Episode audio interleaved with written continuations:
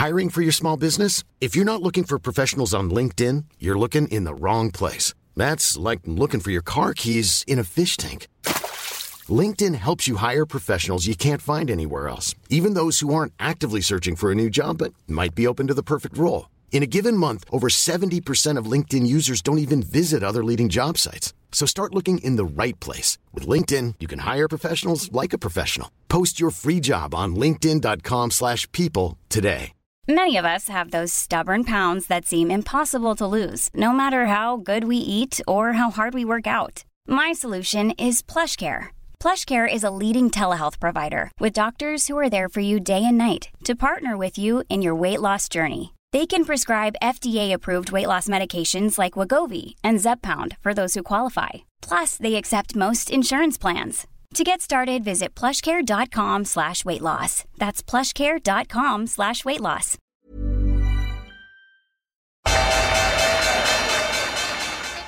They mistook leverage for genius. Leverage for genius. I would recommend Japan. The governments don't rule the world. Goldman Sachs rules the world. Velkommen til episode 242 av podkasten 'Tid er penger'. En podkast med Peter Warren. Jeg heter Sverre og er produsent. Og i dag eh, skal det handle selvfølgelig om eh, renteavgjørelser Europa eh, Nei, både i Storbritannia og i USA og, og flere plasser stopper det opp, mens i Norge så fortsetter renten å stige. Og det har jo store implikasjoner, også da en betydelig kronesirkelse. Ellers er Finanstilsynet en, en tematikk. 100 ganger giri for småsparere og en ny finansbok. Dagens episode er presentert av Fixrate. Jeg kan gratulere Fixrate med ny styreleder i dag. Og um, hvis du vil ha um, høy rente på dine innskudd bedrift, med pengene til bedriften, så kan du gå på fixrate.no, og så kan du se at høyeste rente akkurat nå er 5,09% som er veldig høyt for innskudd. Og denne episoden er også presentert av Dealflow. Dealflow er en markedsplass for tidligfasebedrifter eh, som er på jakt etter finansiering. De har en helt ny bedrift nå som er en lakseoppdrett som heter OFS Norge, som er midt i finansieringsfasen nå. Det er fire dager igjen. De har henta inn noen titalls millioner allerede, så det er fortsatt mulig på dealflow.no. Denne episoden er også presentert av Otovo. Otovo er et solcelleselskap. Selg solcellepaneler til deg, gjør hele installasjonen og hjelper deg med det. Eh, du kan gå inn på otovo.no og sjekke din adresse for å se om huset ditt eh, passer, og hvor mye strøm du kan spare på det. Da starter vi episoden. Ja, eh, siste uke var det jo en stor nyhet med en rekke renteavgjørelser der eh, Norge gikk mot strømmen. Og jeg syns HSBC, den globale investeringsbanken, oppsummerte det ganske bra i en analyse de la ut for helga. The last hawk in the room. Norges Bank er de eneste som setter opp renta når andre avslutter renteoppsettelsen. Og, og eh, det var jo Hva du syns om, om den avgjørelsen? Nei, altså jeg har jo ikke lagt noe imellom at jeg, at jeg mente at uh, man ikke trengte å, å sette opp, opp, renten. Men det sagt, øh, når vi nå vet faktum at uh, sentralbanken gjorde det, så må jeg si at jeg også jeg ser poenget ved at de, at de, har gjort det. og det er ikke som noen form for, for unnskyldning, men Altså i, i, måte i mesteparten av vår, vår eh, levetid, i hvert fall min innenfor finans, så har jo norske kronerenten ligget over eh, f.eks. dollarrente og eurorente. Det ligger fortsatt over eurorente, uh, men, men godt over det. Uh, og det som er, er tilfellet, er jo at uh, vi var uh, litt trege, trege, med å begynne å, å, å, sette opp renten i forhold til andre land. Nå har jo andre land de, de kjørte jo renten mye lenger ned enn det, det vi gjorde. Men i ledet av USA, så, så som de nå, kaller det, gønnet uh, Fed på med å, med å, sette opp renten.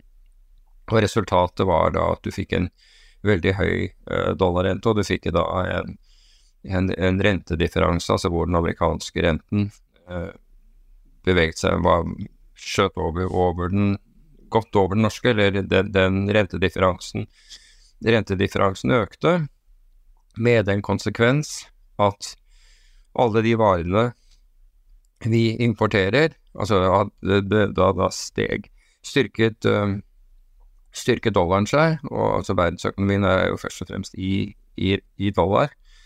Uh, og om ikke alt vi importerer er i dollar, så er det ofte priset i dollar, for, selv om det f.eks. er i euro.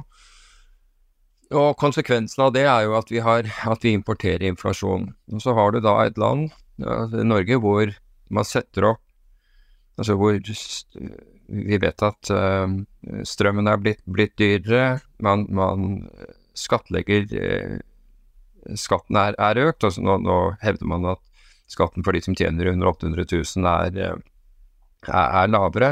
Men det dreier seg om så lite at de andre økningene, de andre, altså de inflatoriske økningene, er langt, langt over det. Så det, er, det spiller ingen rolle, den, den, den skattereduksjonen uh, som, som, folk med, med under 800 000 har, har har, har fått det, det, det, Man har hevet andre, andre skatter på f.eks. For formue osv. Og, og så ser vi også at, at stat og kommune fortsetter De, de hever jo eh, avgifter, som vi bl.a. nevnte, bomavgifter, bare settes opp. Det er med 13,5 Det er ingen moderasjon å spore whatsoever. Så hvis du skal forsøke å håndtere inflasjonen, som er en av, en av de viktige rollene som sentralbanken har, så har du Så må du få, få kontroll på kronen.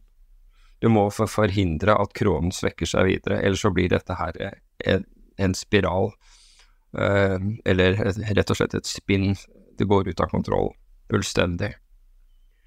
Og med den tanken så har jeg forståelse Altså, jeg, liker ikke at, at rentene settes opp, men det er jo personlig grunn at du ikke ønsker eh, å ha ytterligere kostnader. Men jeg forstår at man har gjort det, og valutamarkedet svarte så kontant på den, den avgjørelsen, altså ved at, uh, ved at krona styrket seg i overkant av 4 siden, uh, siden renten ble, ble, satt opp. Så jeg tror at uh, Jeg tror sentralbanken faktisk gjør det rette her. Og det er ikke det at jeg har lyst for på, Men og så er det et annet element. Og det er at vi ser fortsatt ganske høyt forbruk innenfor, i hvert fall innenfor, innenfor visse yrker og visse sektorer. Og det er klart at det også gjør at vi har, altså vi har hatt en økonomi som er veldig mye tiltet mot altså, Eller i hvert fall inntjening som er veldig mye tiltet mot, mot eiendom. Vi har ikke tillatt eh, vi har ikke tillatt korreksjoner, vi har tvert imot tillatt at folk kunne låne mer og mer og mer. Og så er vi nå i en, i en situasjon hvor du er nødt til å få, å få, dempet dette.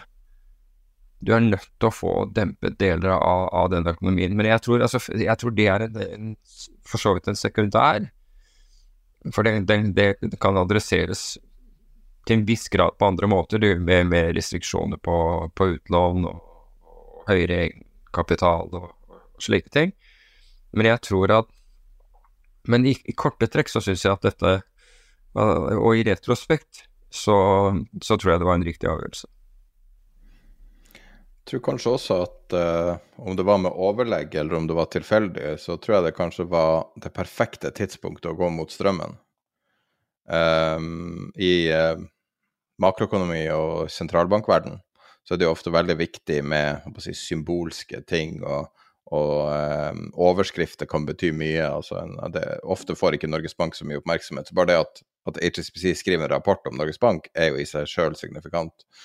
Men nettopp det å å ta den siste rentehevinga, som har en relativt liten kostnad for en snittborger, akkurat nå, når alle andre stopper, kan jo være en ting som gjør krona mer attraktivt. Nå har det jo vært snakk om siste uka at uh, det har vært første gang jeg kan huske at uh, det har vært snakk om at det kjøpes mye kroner fra utlandet. Og folk som driver og snakker om at vi skal gå inn i en sånn full, fullblods kommunisme der Norges Bank skal sitte og manipulere kroner, i stedet for å, å, gjøre det her, tenker ikke på at det går an å um, det går an å få markedet til å gjøre jobben for seg. Og når man går mot strømmen på den måten som man gjorde i forrige uke, så kan man utløse en trend som går over lang tid. Hvis folk begynner å kjøpe, forsterker det trenden, så kjøper flere og flere og flere. Og siden krona er såpass uh, lav, altså lavt i, uh, i uh, målt mot andre valuta, så vil økt uh, volum ha ganske mye å si på, på kursen. Og i DNO så var det jo han, han som heter Tor Vallaløkken, som sier at uh, volumet, handelsvolumet av kroner har skutt i været, og de anbefaler kunder å gå long kroner. Og det kan jo starte en ny trend. sånn at potensielt sett var det her et genistrek av Norges Bank å gjøre akkurat nå. Akkurat når alle stopper. Altså ett skritt til. Ja, altså vi, vi, vi kommer ikke til å, å, å vite svaret på dette på en stund. Men, men vi, vi synes å være enige om det, det, det, sentralbanken har gjort.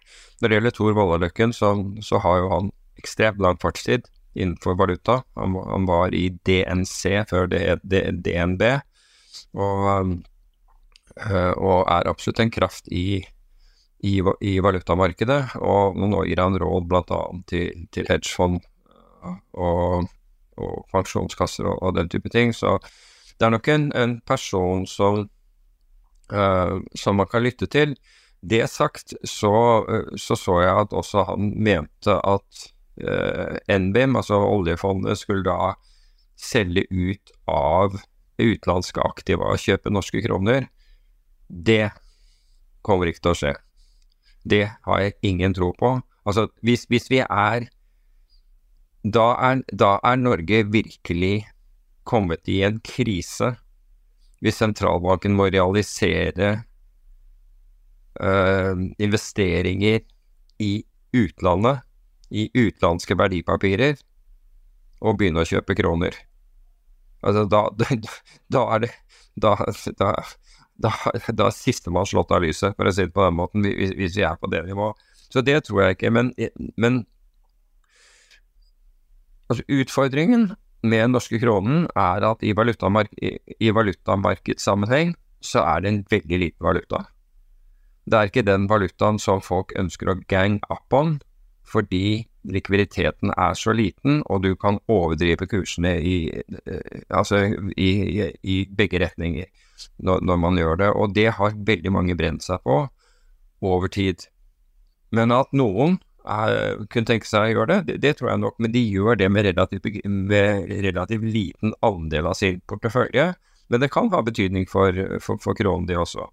Men vi vet at det er jo sånne ting som at uh, Norges Bank fortsatt kjøper, kjøper utenlandsk valuta på, på, på, daglig basis, og det er veldig bra for Norges Bank at man gjør kronen, at man gjør valutaen billigere og, og, og, og kronen dyrere når de gjør det.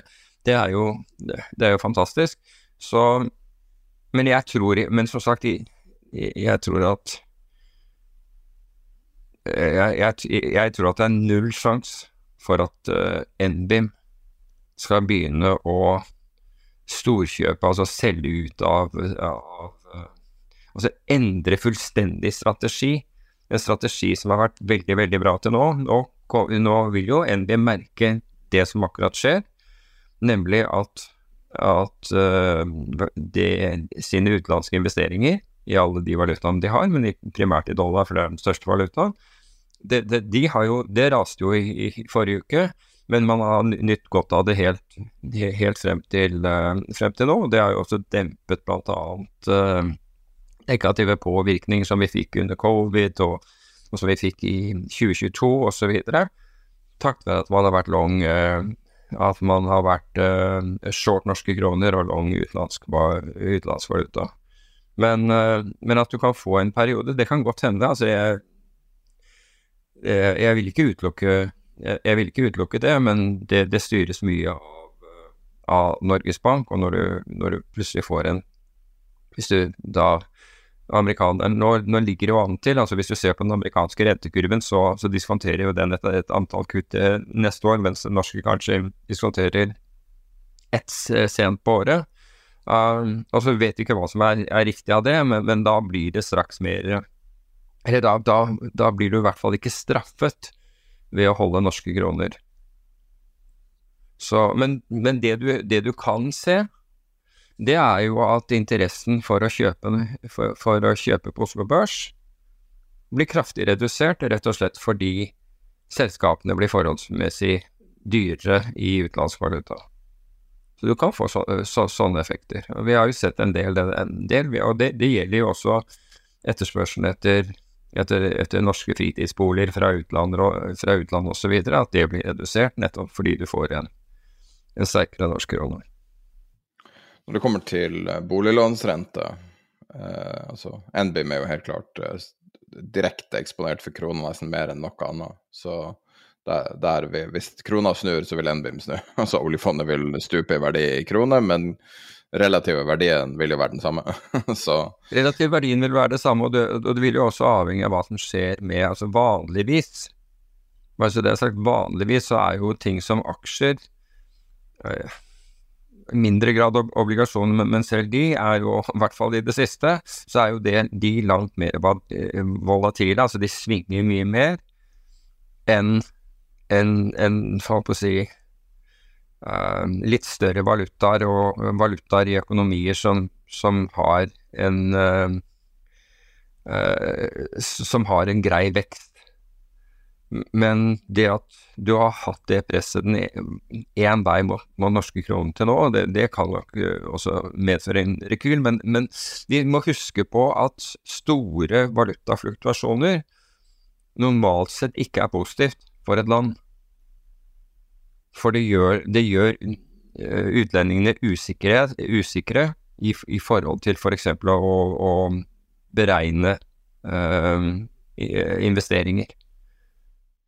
Men når det kommer til da, det som folk er mest opptatt av akkurat nå, som er renta på eh, Altså løpende rente på, i banker, flytende rente i banker. Eh, hvis du har eh, 25 års løpetid og 70, grad, 70 eh, belåning, så hadde DN en oversikt over eh, renta idet den ble satt opp. Nordea 6,25, DNB 6,19, Danske Bank 5,65, Handelsbanken 6,24 og Sparebanken 1 SR-Bank 5,97. Eh, og så litt lavere nominell for alle. Eh, sånn at du ser jo at rentebelastninga er jo allerede høy, og det var tall fra SSB i dag som sier at en snittfamilie bruker 36,4% på bolig, elektrisitet og brensel. Ja, da er det jo viktig å øke eiendomsskatt også, ikke sant. Og du får enda større belastning. Jeg vet ikke om det her er med skatt. Men, uh, og så har du uh, Interessant nok, eh, alkoholholdige drikkevarer, tobakk og helse er begge 2,2 Så eh, man skulle jo tro at eh, det går utover ting som eh, fritid, sport og kultur og eh, matvarer og altså de her tingene som er de store postene, fordi at eh, man vil tro at boligkostnaden på kort sikt vil øke for snittbefolkninga. For fattige er det 44% som går til bolig. Ja, det, det, var vel i, på, på nyheten i dag hvor man snakker om rekorder av, av folk som, som, stiller seg i matkøer for å få, eh, for å få mat fra, fra hjelpesentraler. Og dette, det interessante med det er jo at det, skjer i en tid hvor uh, at, det, at, dette skjer i en tid hvor uh, myndighetene, altså det som er Altså den maten de da får, det er det stort sett private som har, har donert, altså donert penger til, slik at de, disse sentralene får kjøpt, kjøpt, inn mat. Og så har denne regjeringen halvert det, det, den, eh, den eh, skattefrie andelen du kunne bruke til det før, var det 50 000. Nå er det 25 000 du kan bruke. Så myndighetene klarer ikke å gjøre den oppgaven de er egentlig pålagt å gjøre, eller som de er entrusted with, heter det på norsk, i tillit til å, å gjøre. Og når private forsøker seg, så halverer de da beløpet du kan skattefritt gi til, til, til slike formål. Sånt har jeg vanskelig for å skjønne, altså. Jeg skjønner ikke at sånt går igjennom, rett og slett. Ja, det, men det er interessant eh, den situasjonen vi er i nå, for det er liksom sånn store kontraster i markedet. ikke sant? Eh, alle investeringsbanker, alle investorer har sittet og venta på endring fra Fed. Sist uke kom det en stor endring. Og så kommer det plutselig moderasjoner på den ene sida, og ultraposisjonering eh, på den andre sida. Så Goldman f.eks. skrev i en rapport til kundene sine nå rett før helga at frontloading of Fed easing raises odds that later cuts do not materialize. At folk tar det for gitt nå, kan gjøre at Fed da ikke setter ned fordi at markedet har allerede prisa det inn, at det, at det måtte ødelegge dynamikken. Boliglånsrenten faller i USA, men samtidig som det her skjer, så sier Goldman at eh, det var eh, høyeste daglige call-volumet eh, det, det, var ikke helt klart om det var på deres desk eller i markedet, eh, noensinne. Som de så etter eh, onsdagens Nei, eh, etter siste FOMC-møtet. Og uh, de sier at stor del av det var faktisk call-opsjoner i WM, som er den ETF-en som uh, matcher Russell 2000. Så eh, ikke bare er folk bullish. Det var den sterkeste indeksen i forrige uke. Mm. Ja, og ikke bare folk bullish, men de er bullish på små og mellomstore bedrifter. Det er i den grad Russell 2000 er små og mellomstore bedrifter. Men altså, de er ikke De her store gigantene har jo hatt et veldig godt år.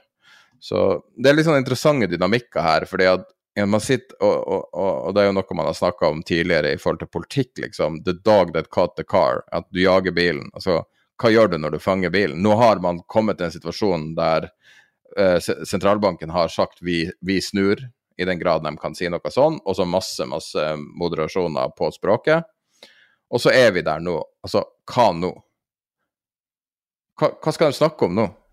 Nei, det, det, vet jeg ikke, men bare for å kommentere dette med Russell. Altså, du hadde jo altså spredden mellom, mellom uh, Dow Jones og Russell mener jeg var på rekordnivåer uh, nå. Altså de, de selskapene, de, de, små og mellomstore selskapene har blitt solgt ned og solgt ned og solgt ned. Det har jo vært en veldig stor differanse, rekordstor differanse mellom utviklingen på Dow Jones-indeksen og, ut, og, utviklingen på, på, på Russell. Og jeg ser ikke det som skjer nå nødvendigvis annet enn som en form for mean reversion, altså man tror at uh, Russell hadde falt for langt i forhold til disse, disse, andre, og så ble det trygget av at man fikk uh, bedre nyheter enn man trodde fra, eller man, man forventet fra, fra, Federal Reserve, eller i hvert fall et eller annet tegn på at, at rentene hadde bundet ut. Men samtidig så sier jo Financial Times i dag bl.a. at den oppgangen nå er, er eh, det, det, som drar til oppsiden, det er selskaper uten inntjening. Og det er eh, bekymringsfullt i seg selv. Og så er det de mest shortede selskapene, med andre ord short-inndekking som, som, foregår der, de, som er de store driverne i, og, i, i markedet i øyeblikket. Så dette skjer jo i en tid, altså vi er jo på rekordnivåer for, for mange aksjemarkeder. Men dette skjer i en tid hvor man forventer at verdensøkonomien skal, og amerikansk økonomi skal svekke seg eh, til, til, neste år. Så ja, det, det er, man skal aldri forveksle logikk med, med, med, det som skjer med markedsaktivitet. Det, det er jo en grei lærdom uh, generelt. Men jeg føler at den er, den er viktig nå, så man i hvert fall forstår i hvilken kontekst ting skjer. Det kan være greit å, å gjøre. Jeg syns det er så vanskelig som det nesten aldri har vært i denne perioden nå, eh, når ting skal liksom snu til det på en måte bedre. Og eh, hvis renta snur, så er jo det eh, Altså at, at, prisen på penger snur, er jo det utelukkende positivt for alle, alle risikable assets. Men jeg syns fortsatt det er vanskelig å, å helt se det her. Nå, nå, var det vel veldig lett å være bearish i, i eh, mars i 2009. Men for, liksom, eh, for min del så føles det ikke ut som vi har bundet ut i det hele tatt. Det føles ut som det er noe mer å ta ut. Altså, mye av galskapen er der fortsatt. Men vi kan jo se f.eks. på hva Morgan Stanley eh, spår om til kundene sine til neste år. Mm. De har ti surpriser de spår i en analyse. Uh, de spår at uh, en amerikansk hard landing altså Nå snakkes det om at er det her vi ser nå, er det en soft landing? Og at da at den kommer uh, i 2024. En surprise nummer to de spår kan skje, er at Fed kutter åtte ganger.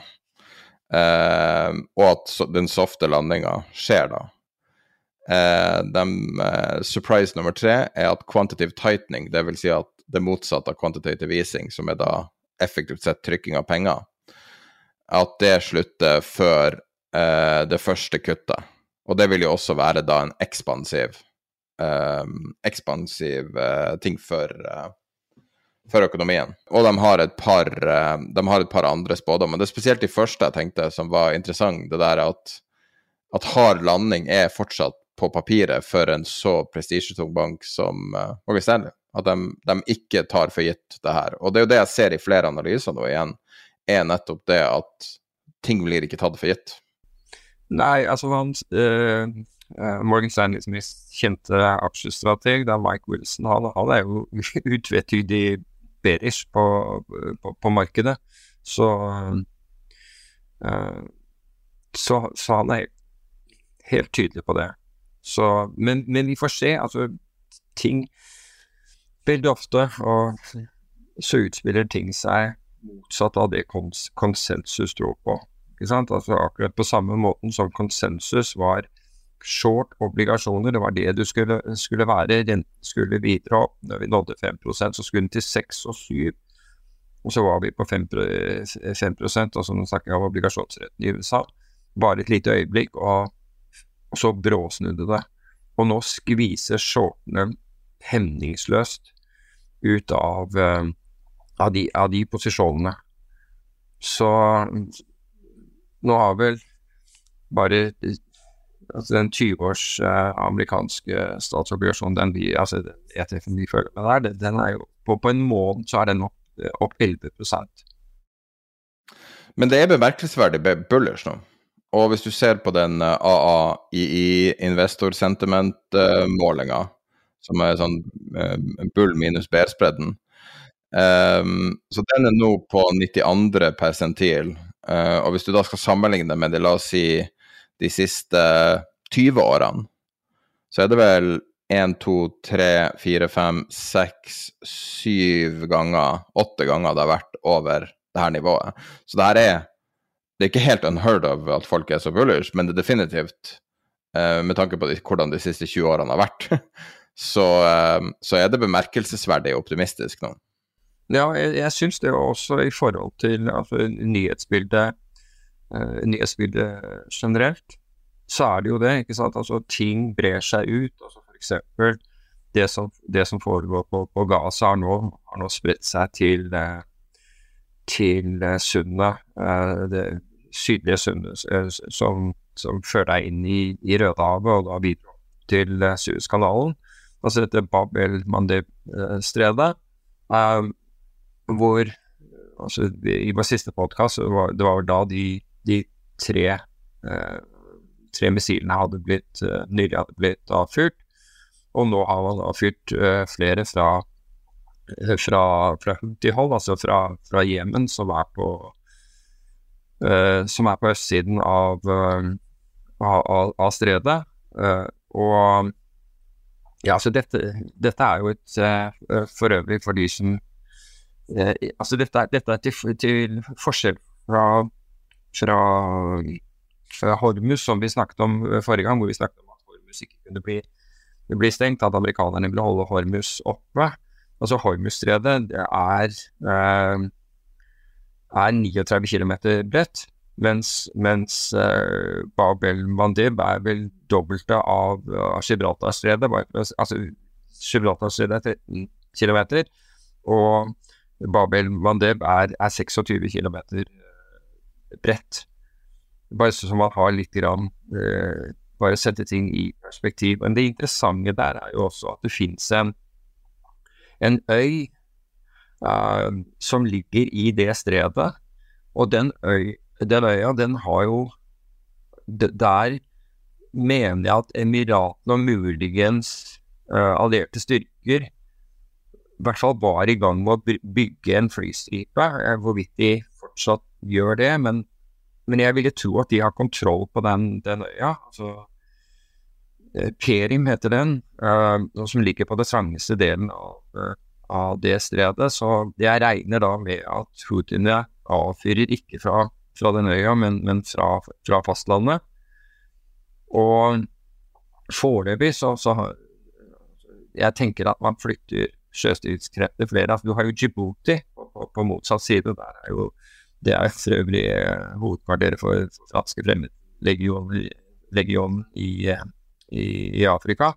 Så du har jo Det er jo en del styrker i nærheten. Jeg tipper at du flytter sjøstridsstyrker inn, eller flere, inn i dette, dette området for å kunne ta, ta det. Men allerede allerede så har jo en rekke rederier nå sagt at de ikke vil la skipene sine gå gjennom, det, gjennom dette stredet. Og Det betyr jo da, hvis de ikke gjør det, så må de gå rundt Afrika. For jeg tror fraktrater går opp, og sannsynligvis oljeprisen burde gå opp på basis av dette her også. I hvert fall inntil man, man ser om man får kontroll. Oljen er jo oppe i takt med alt annet etter uh, Fed. Så. En annen sak som en liksom kontrast til det du sier, du snakker om geopolitikk, du snakker om de vanskelige tingene, liksom realøkonomi. Og så kan vi da gå tilbake til hva folk forventer. Eh, Goldman har endra sitt estimat for SMP 500. Eh, tidligere topp, altså på tolvmånedersestimatet deres, har de satt opp til 5100 nå.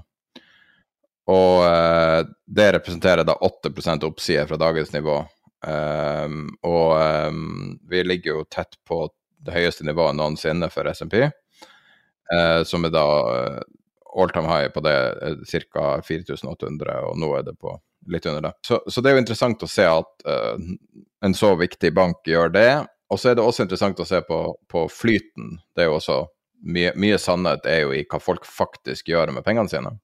Så hvis du ser på akkumulert de siste tre-fire månedene, inn i aksjemarkedet, så er penger inn i aksjemarkedet er på det høyeste nivået siden markedet pika i uh, rundt uh, rett før jul 2021. Så jeg, jeg tar det litt på gefühlen, men altså sånn cirka. Men du ser det er mye på en måte, Det er mange positive uker på rad. Det er vel fem eller seks positive uker på rad. Ja, det, og, og, du har sett lignende tendens inn, inn i high i USA, med, med tosifret uh, milliardbeløp i dollar i tegning i, i high yield. Så det er helt klart at uh, animal spirits har blitt vekket her, og, og, og, det er risk on hos folk. Men det er risk on på litt andre ting, da. Det er jo interessant. Uh, det at the best of the rest, best of the rest med, med Russell Uh, og det kunne jo vært sånn at uh, altså, uh, Hvis du ser året under ett, du har jo lagt inn en sånn Vi sender det også ut en sånn oversikt over hvordan SE Class har gjort det best i år. Og bitcoin er jo soleklart. Ja, den må, den må, jeg for øvrig takke Pål Ringholm for. Det var han som, som hadde den siden. Ja, og, og, da ser det jo bitcoin utmerke seg veldig. Ja, i av seks av de åtte siste årene så har bitcoin vært vært, vært, på topp. Aksjer har kun vært på topp i ett av de årene, det var, det var 2018. Og så var olje uh, opp, uh, på topp i, i 2022. Men annet enn det, så har det vært bitcoin. Du tenker på Er det én asset som jeg tror de, og spesielt etter det som skjedde i fjor, som, som de fleste ikke har, så er det, så er det jo nettopp så det er jo ganske interessant å se. At, og tilbake til det der at der hvor de Altså det, det de fleste mener, er som regel feil. Og så kan vi ta da eh, en annen kontrast igjen. Jeg prøver liksom å Det, det er en del kontraster, men eh, nå når, nå når hunden har fanga bilen, så er det på en måte greit. Og så ser du at eh, analysene begynner å sprike litt mer. For tidligere er analysene bare hva skal Fed gjøre, hva skal Fed gjøre, hva skal Fed gjøre. Nå har Fed gjort det, hva sier de da? Og du ser at, at de, de, smarte hodene fokuserer på forskjellige ting. HSBC eh, hadde en interessant oversikt der de tok eh, to tilfeller, eller flere, men, men, fokuserte på to, som basically gir oss en litt indikasjon hva vil skje nå. Og sånn som eh, eh, vi står akkurat nå, så er det to utslag. Resesjon, ikke resesjon. Ikke resesjon, SMP opp 22% sånn som i 1989. Uh, eh, resesjon ned 14% sånn som i år 2000. Så eh, utslagene er jo fortsatt, altså med den oppturen du har, relativt moderat begge veier. Men det er en grei pekepinne på hva man kan vente seg da, hvis ting er sånn som det var før. Ja, ut ifra det, ja, hvis det er det. Altså Vanligvis så har du hatt en, en venstresku i aksjemarkeder. altså Når det først faller, så faller det mer rente stiger. Men vi kan hende, det betyr ikke at det ikke finnes søvntak. Altså, jeg tror jo fortsatt at det beste du kan gjøre, er å ha en, veldig diversifisert portefølje. Og det viser seg altså eh, nå, altså alle de som har hatt de store tapene, de du leser om som har hatt de store tapene, det har vært fordi de har vært overeksponert i én aktiva klasse. Vi har absolutt ikke Altså, diversifisering, det er, det er liksom for uh, for, for de som ikke Altså for, for, for feigingene, men her ser du at diversifisering og den rentes renteeffekten som det, du gjennom diversifisering også kan, kan glede deg over, er ganske brukbar. Og, de, og de som da ikke har vært diversifisert, og som har da uheldigvis hatt uh, pengene sine i en aktiva-klasse som virkelig har gått ned. og Det, det gjelder jo altså det gjelder jo ikke bare næringseiendom, det gjelder jo mye aksjer som uh, Ta f.eks. Euronex Growth-type type selskapene. Um, hvis du ikke var diversifisert, så, så har du det virkelig, virkelig vondt. Så diversifisering gjelder fortsatt. Med mindre du velger riktig. Warren Buffett har jo sagt at han har gjort fem gode investeringer i sitt liv. Og du vet jo hva han har halvparten av fondet i nå? Apple. Apple pika i forrige uke. 199,62 dollar. Men jeg vil jo si at um, Warren Buffett også har hatt, har hatt diversifisering, uh, for, all del. Altså, både gjennom det som forsikringsaktivitet og, og mye annet, så har han hatt en ganske solid diversifisering. Han har ikke bare gått ut og kjøpt et selskap, og så håper han at det der skal gå bra. Men, uh, men jeg tror jo at så kompleksiteten i verden fremover er ikke, det er ikke noe som tilsier Tvert imot er det veldig mye så, eh, så, som tilsier at den blir, blir, blir, verre og ikke bedre enn det den har vært. Altså Vi har gått gjennom den, den perioden altså for, forut for at Russland eh, angrep Ukraina. Så har du hatt en periode med sentralbankstøtte. Alt har gått i riktig retning. Globalisering av verden. Alt var liksom rosenrødt. Og, og du kunne nesten ikke gå feil med investeringene dine. Det du kunne, men da hadde du litt uflaks. Men herfra fremover så vil jeg jo si at, uh, at det er uh, langt, mer, langt mer krevende, langt mer utfordrende, og derfor så igjen behovet for å ha en diversifisert portefølje er lurt. Spørsmålet er jo uh, er det nok at renten snur litt? Er det nok at at vi får én positiv Fed-avgjørelse, fordi at de hadde jo fortsatt døra på gap, altså på, på halvt på gap. Det var jo ikke vidåpent på noen måte. Det var så mange og, og, som du nevner, alle kriger og, og, alle problemer. Biden ble truffet, altså bilkortesjen hans ble truffet i går. Du får liksom følelse av at, at alt er liksom en hårsbredd unna et eller annet. Men det har jo klart seg. Ja. Det var skyting i Oslo sentrum to steder i, i, i går også. så det det, det, det, er ikke tamt her heller, for den saks skyld, men uh, Tror du Foxtrot kommer til Norge? Jeg vet ikke. Altså, jeg, Eller vil du kanskje ikke si det? Nei, altså det hevdes vel at uh, deler av det nettverket allerede er her. Hm. Uh, Tror du det? For du har tidligere sagt at uh, den her, når det var så mange knivstikking, at det syns du var en veldig foruroligende trend? Ja, altså jeg, jeg tenker jo Altså, det som Den optimistiske delen her, det er det samme foregår mellom, altså, og som har foregått nå en, en, en god tid, mellom eh, nettopp pga. Dette, dette nettverket og, dem, og tendensen man har sett i Sverige mellom norsk politi og, og svensk politi. Og da har man jo også et erfaringsgrunnlag fra det svenske politiet å ta inn seg i, i, Norge, slik at man ikke starter på, på var bakke. Og så har du da eh, også stadig, eller i hvert fall flere enheter i Norge som er på en måte spesialenheter som kan, for, for å kunne deale med litt tyngre uh, type oppdrag. Så vi får håpe, men, men du trenger mange, mange flere ressurser i, i, i, tillegg til det. Men, jeg, men etter min oppfatning, altså så langt jeg vet, så tar uh, norske, norske politiet dette her på, på høyeste alvor. Hvilket er, hvilket er, er betryggende.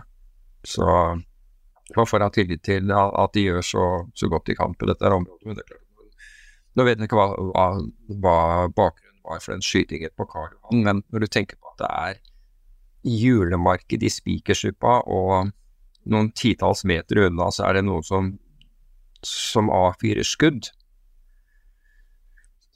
så er det jo liksom der, der, Det var akkurat som skuddene på Aker Brygge den gangen. Det er, det er bare til de grader flaks at det ikke går med menneskeliv. Eller at noen blir skadet. Har du sett den der videoen uh, som uh, det, det, er en sånn uh, organisasjon som heter Save the Children lagde? Der den filmer ett år i ei jente sitt liv. Den filmer ei jente, og så er det ett sekund klipp per dag.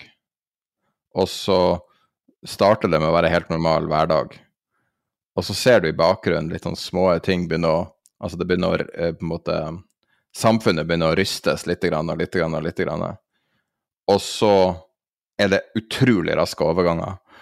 Og, og det har folk som har, har vært i krigssona, sagt at det er akkurat sånn det er når det begynner. Det er liksom helt normalt. Og så hører du litt krangling mellom naboer og sånn, og så plutselig så er du i checkpoints et eller annet sted. At, at det kommer ikke annonsert. Så litt sånn som det skjedde i Sverige. I Sverige har jo det, det har jo virkelig blitt unntakstilstand.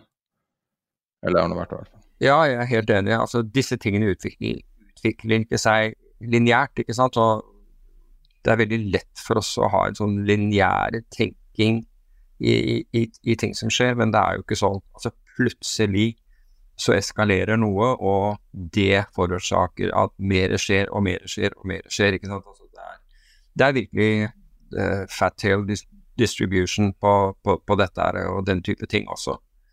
Uh, men, men, det tror jeg det tror jeg norske politiet er, er klar over og, og følger med på. At, uh, og de har ressurser på dette her, så så det er ikke sånn vi starter på, på bar bakke, heldigvis.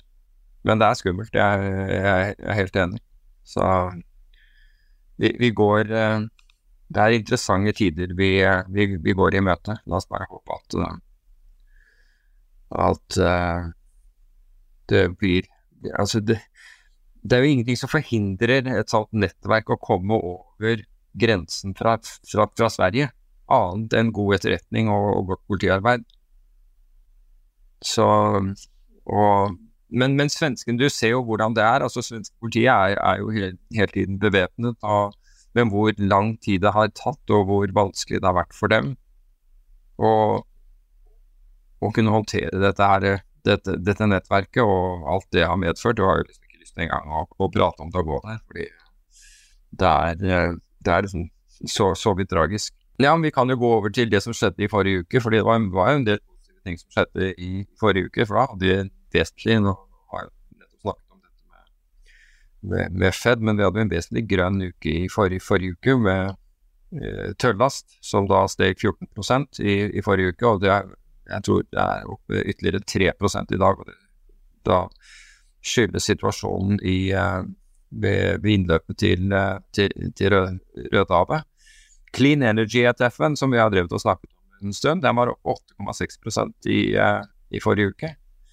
Mens uran-ETF-en var opp 2,3. Så nå Clean end. det var, det var jo også et tilfelle hvor vi nevnte hvor, hvor det var en stor divergens mellom energikildene. ikke sant? Altså, du hadde uran, du har, du har fossilt brennstoff, så på en måte gikk veldig bra. Så ble det sånn Clean Energy ble bare solgt ned, solgt ned. Det var jo overpriset til å begynne med, det skal sies. Men det ble bare så hamret ned. Og det var jo i forbindelse med at dette her ble så vidt hamret ned at vi, at vi begynte å ta opp uh, jeg håper å si dekningen av det, eller i hvert fall vi begynte å snakke om, om dette her. Og, og, nå ser i hvert fall det ut som det, det har fått en, en, skikkelig rekyl. Russell, som du nevnte, indeksen, altså amerikanske Russell-indeksen, 2000 selskaper, var opp 6,9% og så kom TNT, altså denne her Eh, denne ETF-en med 20 års amerikanske statsobligasjoner opp 4,9% på en uke. Og den slo da Nasdaq, som var opp 3,4, SMP, som var opp 2,5, MBCI World, som var opp 2,6 og Oslo Børs, som var opp 0,2% Og tilbake til det der jeg sa at uh, det var hun som hevdet at du ville aldri, uh, aldri ønske å date en som, som, som kjøpte indeksfall. Så tenker jeg at statsobligasjoner måtte være Da, da er du helt utelukka. Men eh, det, det har dratt da og, og nesten 11% på den siste måneden. Så Får jeg lov å si akkurat hva hun sa? Jeg fant fram den artikkelen her en dag. Og gjorde du det? Ok, greit. Jeg skal få lov å sitere akkurat hva han sa, for det er ikke Ja, det helt helt nøyaktig det du sier. Nei, ok, kom igjen. Kom igjen. Så det her var en eh, app, jeg trenger ikke å si navnet på det, men det er en Nei, app som er, jeg er et selskap som heter det også. Stack by me, hva det selskapet heter, fordi hun refererer til egen. Så ideen er at, at Stack by me skulle bli en plattform som var på lik linje med LinkedIn, f.eks. At du får innsikt i hva folk investerer i. Jeg tror det er det som er greia. Eh, fordi det er et sosialt aspekt med det. Og så sier hun om to år, når du treffer noen på Tinder, så sjekker du Instagram-kontoen deres, du sjekker kanskje LinkedIn, og så sjekker du Stekken. Eh, hvis det er en person som, har som bare har globalt indeksfond, da vet du hva du går til. Du blir ikke tatt med på strikkhopping da, sier hun andre. Jeg snakka med en indeksforvalter forrige uke, og det var derfor jeg fant den, og leste opp det sitatet. Han rista så mye på hodet han nesten fikk kink i nakken. Ja, men det var en morsom greie. Men uh, jeg må jo si det derre at uh, At jeg fant ut at det var bedre å ta ut, uh, ta ut spenningsbehovet mitt i, i, i ekstremsport enn å forsøke å ta det ut i markedet. For å ta det ut i markedet, det er kostbart, altså. Det kan bli ordentlig kostbart. Spesielt å gjøre begge to. Ja, ja eh, og det også.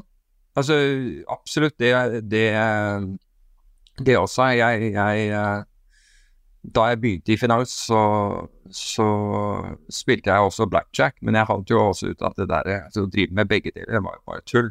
Altså, Det fikk jo være grenser mye usikkerhet du skulle ha. Men akkurat det med spenningsbehov altså Noen mennesker har et ganske høyt spenningsbehov, og jeg tilhørte i hvert fall eh, eh, den gruppen. Og for min del så var altså, de, det var farlig hvis jeg prøvde å ta ut det i markedet. Og, og noen ganger så prøvde jeg å ta ut det i markedet, så jeg kunne bare sitte der og synes at det var rett og slett kjedelig å gjøre et eller annet. Jeg kan ikke huske en gang jeg tjente penger på det. Altså. Stort sett så, så tapte jeg alltid penger når, jeg- gjorde, gjorde ting ut ifra et spenningsbehov, for å si det på den måten. Eh, Når, når det er sagt, så syns jeg den her ideen deres om å ha en, eh, en slags sånn sosial medievinkling på investering kan være en god idé. Nå har jo eh, Nordnett har jo en sånn plattform. Ja, det, det er vel Reddit og mye annet, det. Altså, så det er, det, jeg ja, men det mer liksom real, real name-fokusert, altså. Å ja, liksom, jeg trodde disse her solgte fondsløsninger eller noe sånt. Ja. Jeg trodde det de drev med. Da går jeg videre på listen. altså Oil Services var opp 4,4% i forrige uke. Blockchain i ETF var opp, eh, var opp over 4% og der, der har du Mellom disse blockchain-selskapene så er de opp mellom 50 og 90% i, eh, i, hittil i år. Det er ganske, ganske solid. Og du, kan, og du kan investere i dem gjennom ETF-er, og den ene ETF-en er se her er opp 86 En som heter Block, har ingen vested interest i dette, bare så det er sagt. Eh, til eh, eh, En ting som var interessant, det var for øvrig at uh, karbonser... Altså at the, the proof is in the eating of the pudding, som det heter på engelsk. og det vil si at liksom, Meningen med det er at du kan, du kan drømme maten så mye du vil, men hvis du ikke spiser den, så, uh, så, så, så er det ikke verdt noe. Men COP28 var eh, var vel ferdig forrige uke, hvis jeg ikke tar helt feil. Altså miljøkonferansen som eh, nå ble holdt i, eh, i Dubai. Men enda, altså, da den var ferdig, da, da, da den hadde sluttkommunikert sitt, så falt prisen på karbonsertifikater med over 4% Det forteller deg noe. Det er hvordan markedet så på hva COP klarte. Med andre ord, de tror de, de Markedet i så måte var skuffet. De, de syns de kom til lite. Jeg vet ikke, når du ser oljesjeiker stå på scenen, både norske og arabiske, og applaudere, altså Det Jeg, er enig. Jeg, jeg skjønner hva du sier. Du tenker at det, de ikke er så troverdig i utgangspunktet. Jeg skjønner hva du sier. Men, men vet du hva, vet du hva? Jeg, jeg har lyst til å være ikke kyniker på det her. Og jeg har lyst til å, både når det kommer til de norske, den norske politiske ledelsen, når det kommer til det EU prøver å gjøre, når det kommer til COP, når det kommer til alle de tingene. For jeg skjønner hva de prøver å gjøre.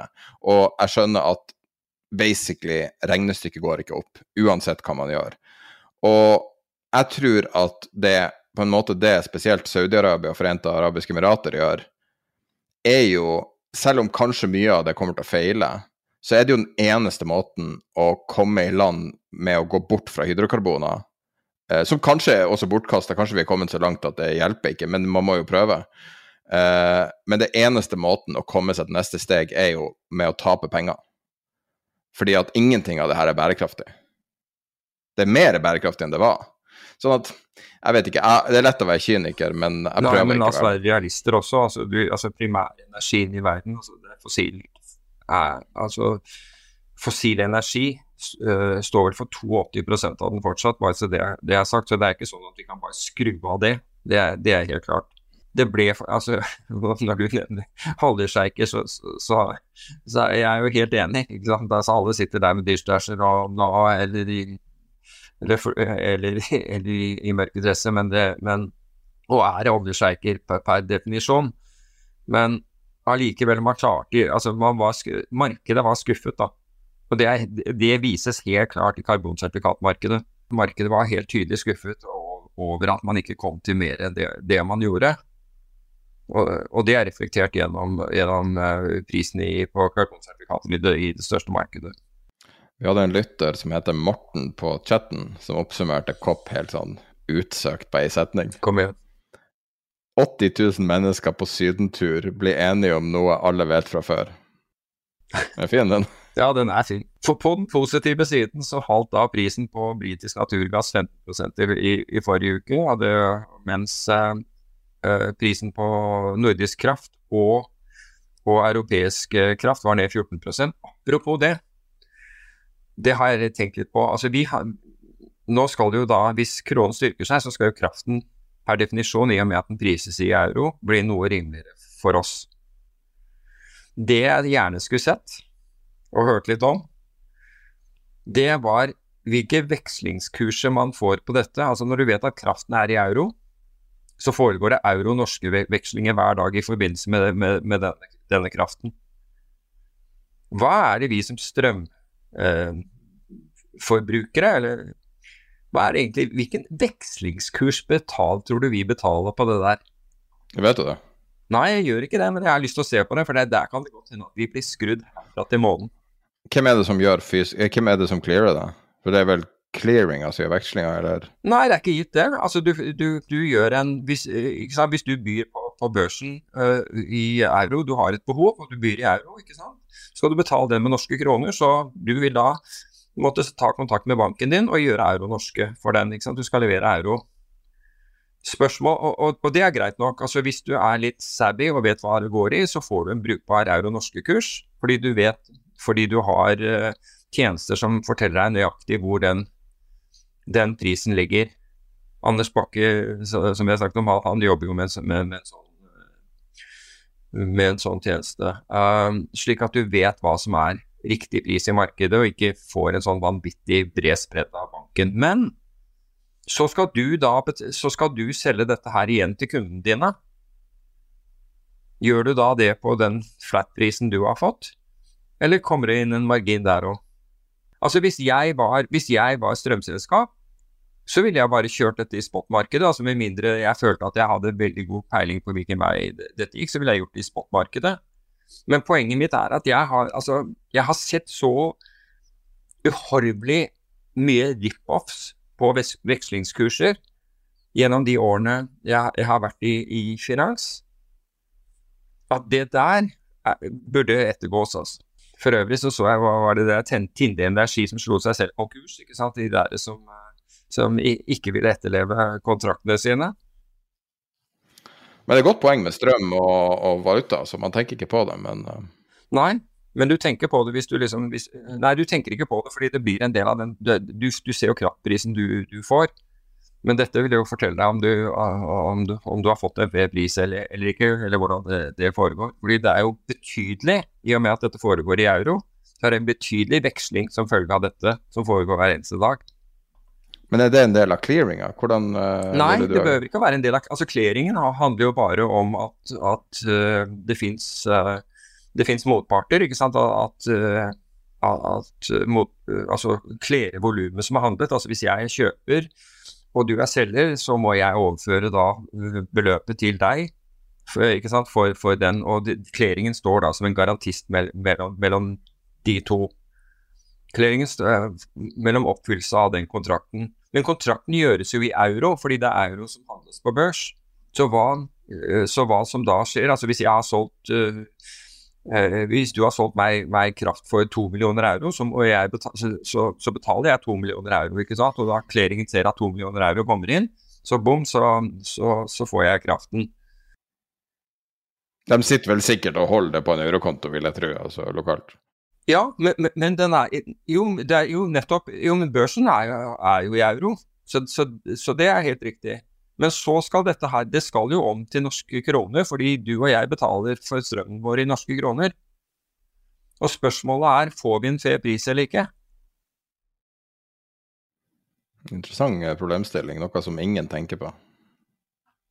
Nei, jeg, jeg tror heller ikke at folk tenker på det der, men, men det er lite fokus på det, det burde man ha. Jeg, jeg tipper det blir borti en del penger der, altså jeg, er ganske sikker på at noen utnytter den, den, eh, den situasjonen. Ja, altså, og, og, det mindre du er, det vanskeligere er det, for da har du kanskje ikke massevis av motparter å, å handle med, ikke sant? Ja, Nei, pga. volumet er det jo dritinteressant.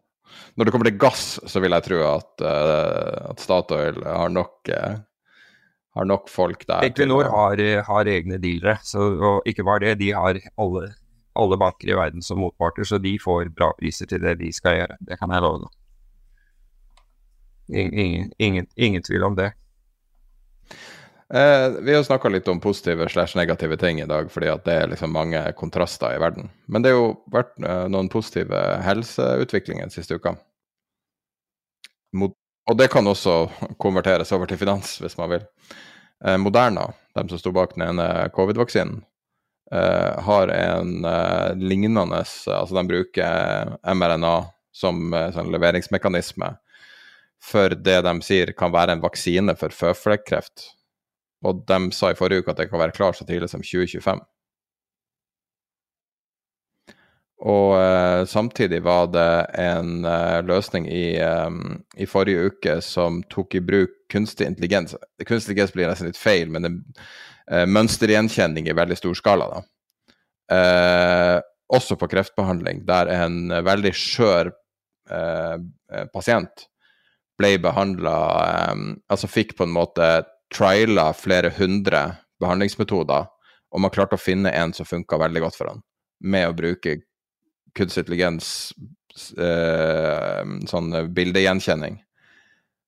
Uh, sånn at det er, det er, definitivt sånne helt sånn grensesprengende positive ting som skjer pga. utviklinga. Det er så bra. Ja, vi, trenger noe, vi trenger noen gode nyheter kom for øvrig en til i, eh, i forrige uke, uh, følte jeg, og det var jo at uh, det viser seg at, uh, at lyset er fortsatt på i re, re, hva heter det, Revierstredet. Altså det er den der sidegaten til, til Norges Bank hvor Finanstilsynet er. Altså det er jo ingen som har hørt noe fra dem på jeg vet ikke når. Så det jo jeg overhodet ikke. Annet enn en, at de ikke har noen kommentar. Men da kom, uh, da kom Bellamy, som er da på overvåkningsavdelingen til eh, Finanstilsynet, da kom hun på banen. Hadde, og det var nettopp i forbindelse med dette her, det var noen som hadde hevdet at, at de ikke var Hva var det, hva var det altså? Dette Anne Merete Bellamy, i, en avdelingsdirektør i, i Finanstilsynet.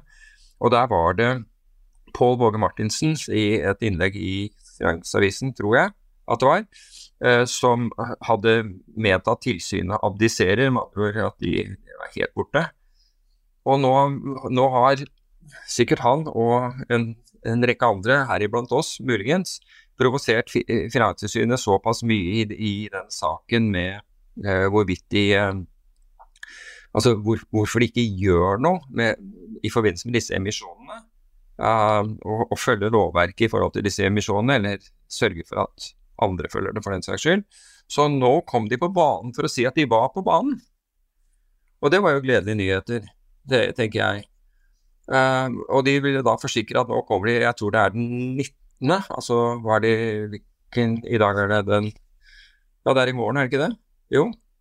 I morgen så skal det vel komme en rapport om, om dette. Ikke det at jeg holder, holder pusten min for den, men uh, for, for konklusjonen av den, men i hvert fall så de, så de ville da si at de de, de, de fulgte med.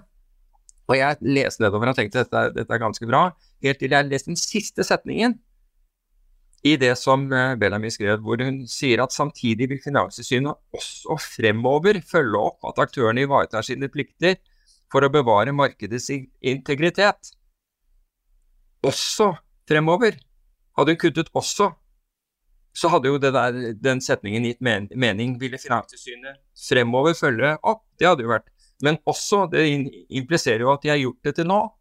Og da kan jeg bare vise til en sak som har gått siden 2003 har Finanstilsynet fulgt med i et, et, selskap som heter Creative Investment Management, som angivelig skal ha tatt altfor høye honorarer og ikke hatt lov til den virksomheten de driver med. I 2003 starter dette her. De har advart selskapet, de har forsøkt å stoppe selskapet i 2011 i tillegg, i, og i 2017, og først nå i 2023 så fatter de et vedtak. De har brukt 20 år. Mens hvis det er riktig som Finanstilsynet eh, skriver, så har, har, dette selskapet drevet ulovlig. I 20 år har den der gjengen sittet der og sett på det. Men det er muligens til deres forsvar, nå kjenner ikke jeg saken, men jeg tror jeg skjønner hva det er som har skjedd. Um, hvis det stemmer, uh, sånn som jeg håper for deres del, uh, hvis de ikke har konsesjon, så er det veldig lite Finanstilsynet har mandat å gjøre. Hadde, jeg tror de har hevdet overfor dette selskapet fra, fra starten av at de var, at de skulle ha det. Uh, I den de publiserte i, i, høst nå, om SIM AS, sier at de hadde gitt forhåndsvarsel i år om stans av ulovlig finansieringsvirksomhet. Bakgrunnen for forhåndsvarselet var at Finanstilsynet foretok undersøkelser som tyder på at SIM drev finansieringsvirksomhet uten konsesjon. Og det er det som er hele problemet, er at uh, Norge er jo bygd opp litt sånn at folk er jo stort sett ganske lovlydige i Norge. Og, uh, og, det er jo et sånn tilbakevendende problem når folk bare driter i reglene. Så har man ikke på en måte et system for å fange det opp. Så hvis du skal være kriminell, bare ikke fortell noen at du driver med finans. Det er på en måte litt sånn systemet fungerer. Eh, og det er jo det som har skjedd med mange av de pyramidespillene som utgir seg for å være finans det er veldig vanskelig å stoppe dem, for du har liksom ikke De faller mellom to stoler. Ja, men altså Det er jo ikke det som gjør at finans Altså, ta Røeggen-saken. Den var jo, de var jo direkte under Finanstilsynet, de gjorde ikke en dritt med den. Og det endte med at Forbrukerrådet var det som tok, tok saken. Og da ikke sant, Finanstilsynet uttalte seg ikke noe mer, de bare, de bare dytta hodet godt ned i sanden. Men jeg skulle ønske de stilte opp, for vi har jo veldig lyst til å høre deres nå. Jeg tviler jo på etter sånne rants at de har lyst til å stille opp, men, uh, men de er jo invitert, og jeg skal love å holde deg borte fra den samtalen. uh, for at vi vil jo faktisk høre deres take. Uh, og det er fair. Og det er fair. Men, men, mens vi er inne på dette her, og det, det har vært flere andre som har, snakket om det, og det var den Var, var det Sparebank Hva var det for noe? Var det Sparebanken Vest eller noe sånt som hadde denne her saken med en som hadde jobbet i, i banken, og som underslo et ganske solid antall titalls millioner, og spekulerte med de pengene. Du kan sikkert google, nå husker jeg ikke hvilken av disse bankene på Vestlandet det var, men i hvert fall, det, det, den har gått i retten nå.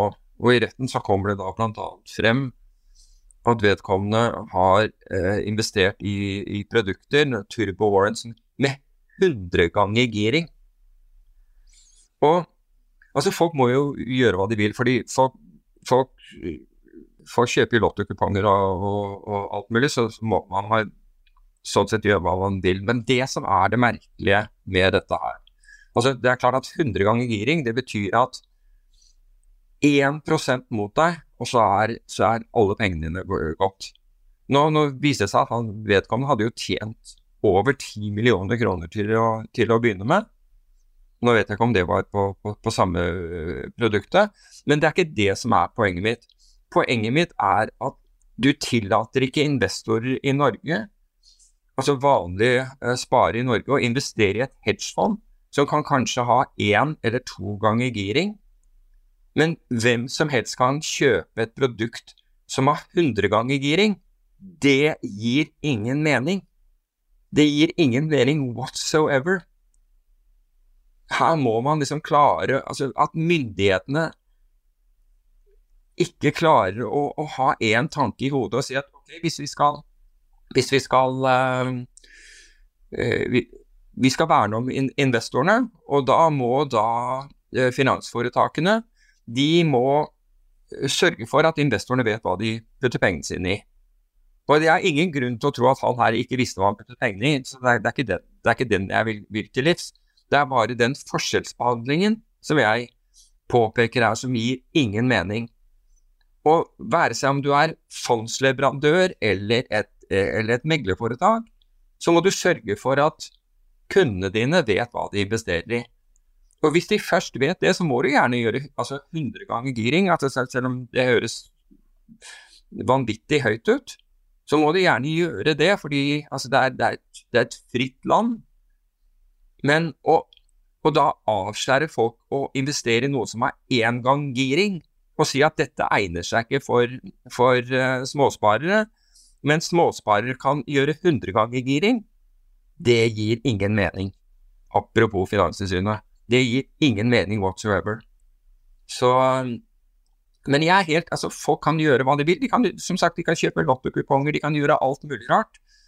Og det er jo ikke, er jo ikke eh, finansforetak sin, sin, sin skyld at noen at, at, noen begår et bedrageri eller svindel det er jo på noen som helst måte, det er jo ikke der det, dette ligger. Det det ligger i, det er liksom hvilke produkter skal, skal man ha adgang til. og, jeg, det, får, det, det, hjertesukket får du, eller i hvert fall får vi, svært ofte fra investorer som sier at nei, megleren tillater ikke eller at man gjør det fordi det er, sånn er ikke under Finanstilsynet. De vil gjerne inn i et fond som har mindre risiko enn aksjemarkedene. Får ikke lov å investere i det fordi, fordi, de ikke er profesjonelle investorer, til tross for at det har mindre svingninger enn aksjemarkedet. Så det er den derre det, det, er en kognitiv dissonans hos, hos, myndigheter. Men det har jo alltid vært sånn. altså det, Hvis det er store banker som introduserer produktene, da er det bare å kjøre. Men er det mindre foretak som, som, på en måte tar opp, da kan det hende at det, at det blir, blir, blir, stoppet. Men det er, det er, ingen mening i den forskjellsbehandlingen av produkter som, som eksisterer i dag. Og, og, du tillater ikke at folk får diversifiserte porteføljer, fordi myndighetene eh, har fått Finansdepartementet har fått det for seg at nei, det skal være aksjer, obligasjoner eller eiendom. Altså, hvordan How's that last thing working for, you for tida? Ikke noe særlig bra. Tar aldri, tar, tar aldri noe ansvar. Men du kan allikevel gå og gjøre disse her tingene som Du må fritt putte pengene i noe som gir deg 10, 20, 30, 40, opp til 100 ganger giring. Det, det gir ingen mening. Jeg vil jo kommentere for at jeg er for at man skal ha mye mer produkter. Så jeg vil jo aldri eh, ha kritisert et eksisterende produkt fordi at et annet produkt ikke er der. Uh, og det her er jo en del av miksen. Det er mitt argument. Uh. Jeg, jeg, kritiserer ikke produktet, jeg kritiserer, jeg kritiserer den lovgivningen, eller, eller, måten man håndterer lovgivningen på. Den gir ingen mening. Det er ikke krig Altså, det, som, som, sagt, folk må, må kunne gjøre hva de vil. Og tapene Altså, så lenge du er ved din fulle fem, så må du gjerne altså, vedtaksfør og ved din, eh, fulle fem, gjerne, så, så, kan du gjøre hva du vil. Du kan jo spille på hester om du vil, eller eh, online poker, eller whatever. Du, må, du måtte gjøre. Men å nekte altså, det, det er, altså, Her bør myndigheter gå i seg selv. At dette her, er, dette her henger ikke på greip. Det er ingen logikk bak, bak det de uh, bak det de praktiserer, det er poenget mitt. Så det er liksom bunnlinjen min når det gjelder dette. Men PF-fond kommer inn? Ja, det er jo en ny greie. Um, og det er jo interessant at PF-fond skal nå tilbys småinvestorer, eller du må vel ha 100 000 kroner eller 250 000 kroner eller noe sånt. Um, men det skal tilbys nå tilfeldigvis på en tid hvor de store investorene ikke vil putte penger i det. Um, og hvor markedet har gått mot disse. Så nå klarer de ikke å få inn penger. De har fått inn en del i, i Norge, og, og Nicolai Tangen vil jo gjerne putte penger i, men det, slik jeg forstår det, så er der hvor pengene har gått, det har, det har gått til annen, øh, fond som investerer i annenhåndsmarkedsandeler, fordi de har falt så mye. Så nå vil du ha inn privatpersoner for å investere som om det ikke har vært noe fall i det hele tatt.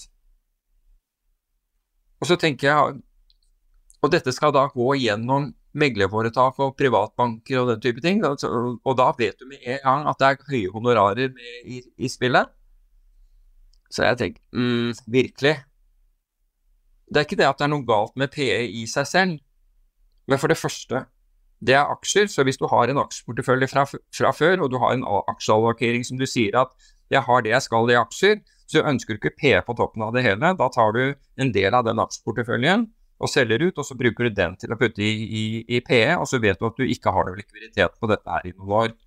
Um, og så er det som, eh, som, de sier med LSD, det er ikke, ble, det er ikke bedre enn den gærningen som blander det, blander det sammen. Og som andre du, du er, du er forvalt, helt klart forvalteravhengig. Og alle studier viser at PE over tid, altså de, i gjennomsnitt, ikke gir bedre, avkast, ikke gir bedre risikojustert avkastning enn får i aksjemarkedet. Så du er da helt avhengig av å finne, uh, finne, uh, finne de, de, beste forvalterne. Og jeg vet ikke hvilken, hvor lett det er å gjøre for privatpersoner. Det er tungt nok å gjøre for, for uh, profesjonelle investorer, egentlig. Og så la jeg merke til at det var en av dem som sa at, at, hadde, at verdien deres hadde økt 11% på, på jeg tror det var fem måneder. Fantastisk. Bortsett fra hvordan vet de det når det ikke er børsnotert? Hvordan vet de at verdien har økt når du ikke har et, du har ikke transparense, du ser ikke kursene daglig? Det er ikke noe volumer, du ser ikke kjøp-salg. Litt interessant, eh, for det, det, det sto i, i, i, samme artikkel. Men PE kan være utmerket, og det. Men når er det PE fungerer best? Jo, det er når renten er lik null. Fordi PE går inn og kjøper et selskap, og så og så tar det selskapet opp lån og girer balansen, og så, og, og så er det tut og kjør. Og så prøver man å gjøre det best mulig ut av det. og I mange tilfeller så, så gjør man det.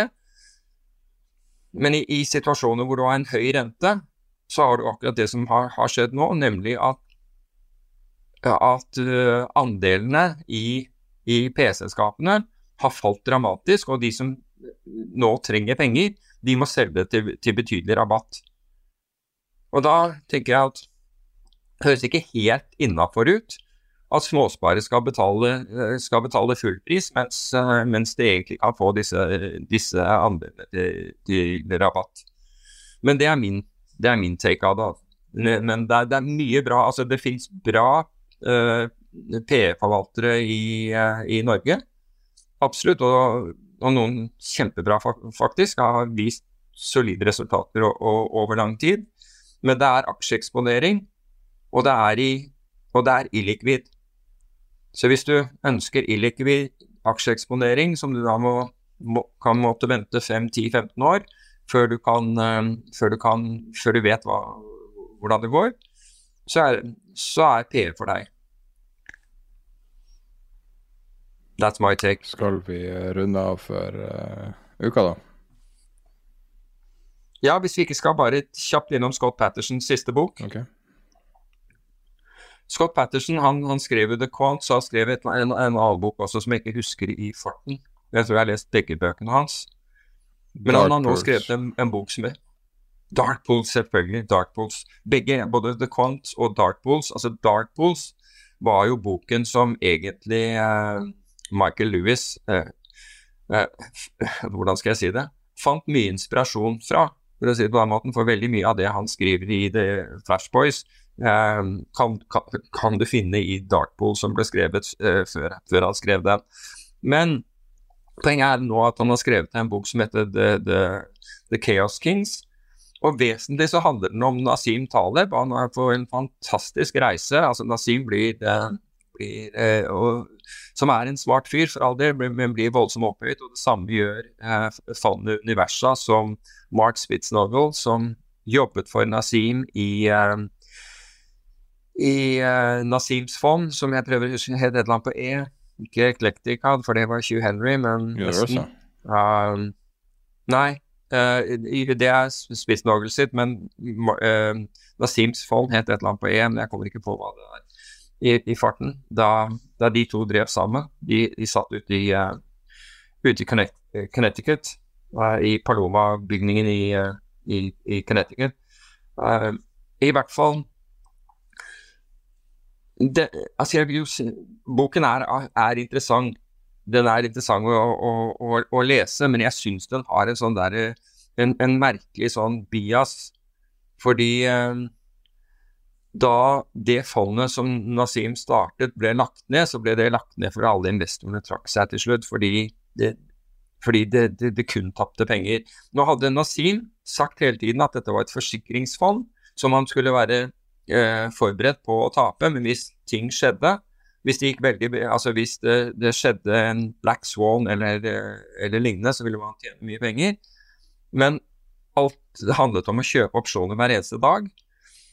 Og han var ikke så nøye som Mark var med, med å forhandle seg til altså få gode priser på, på, disse opsjonene, slik at investorene Det var først det var to forsikringsselskaper som sto som som primærinvestorer, altså som var sideinvestorer for, for, ham.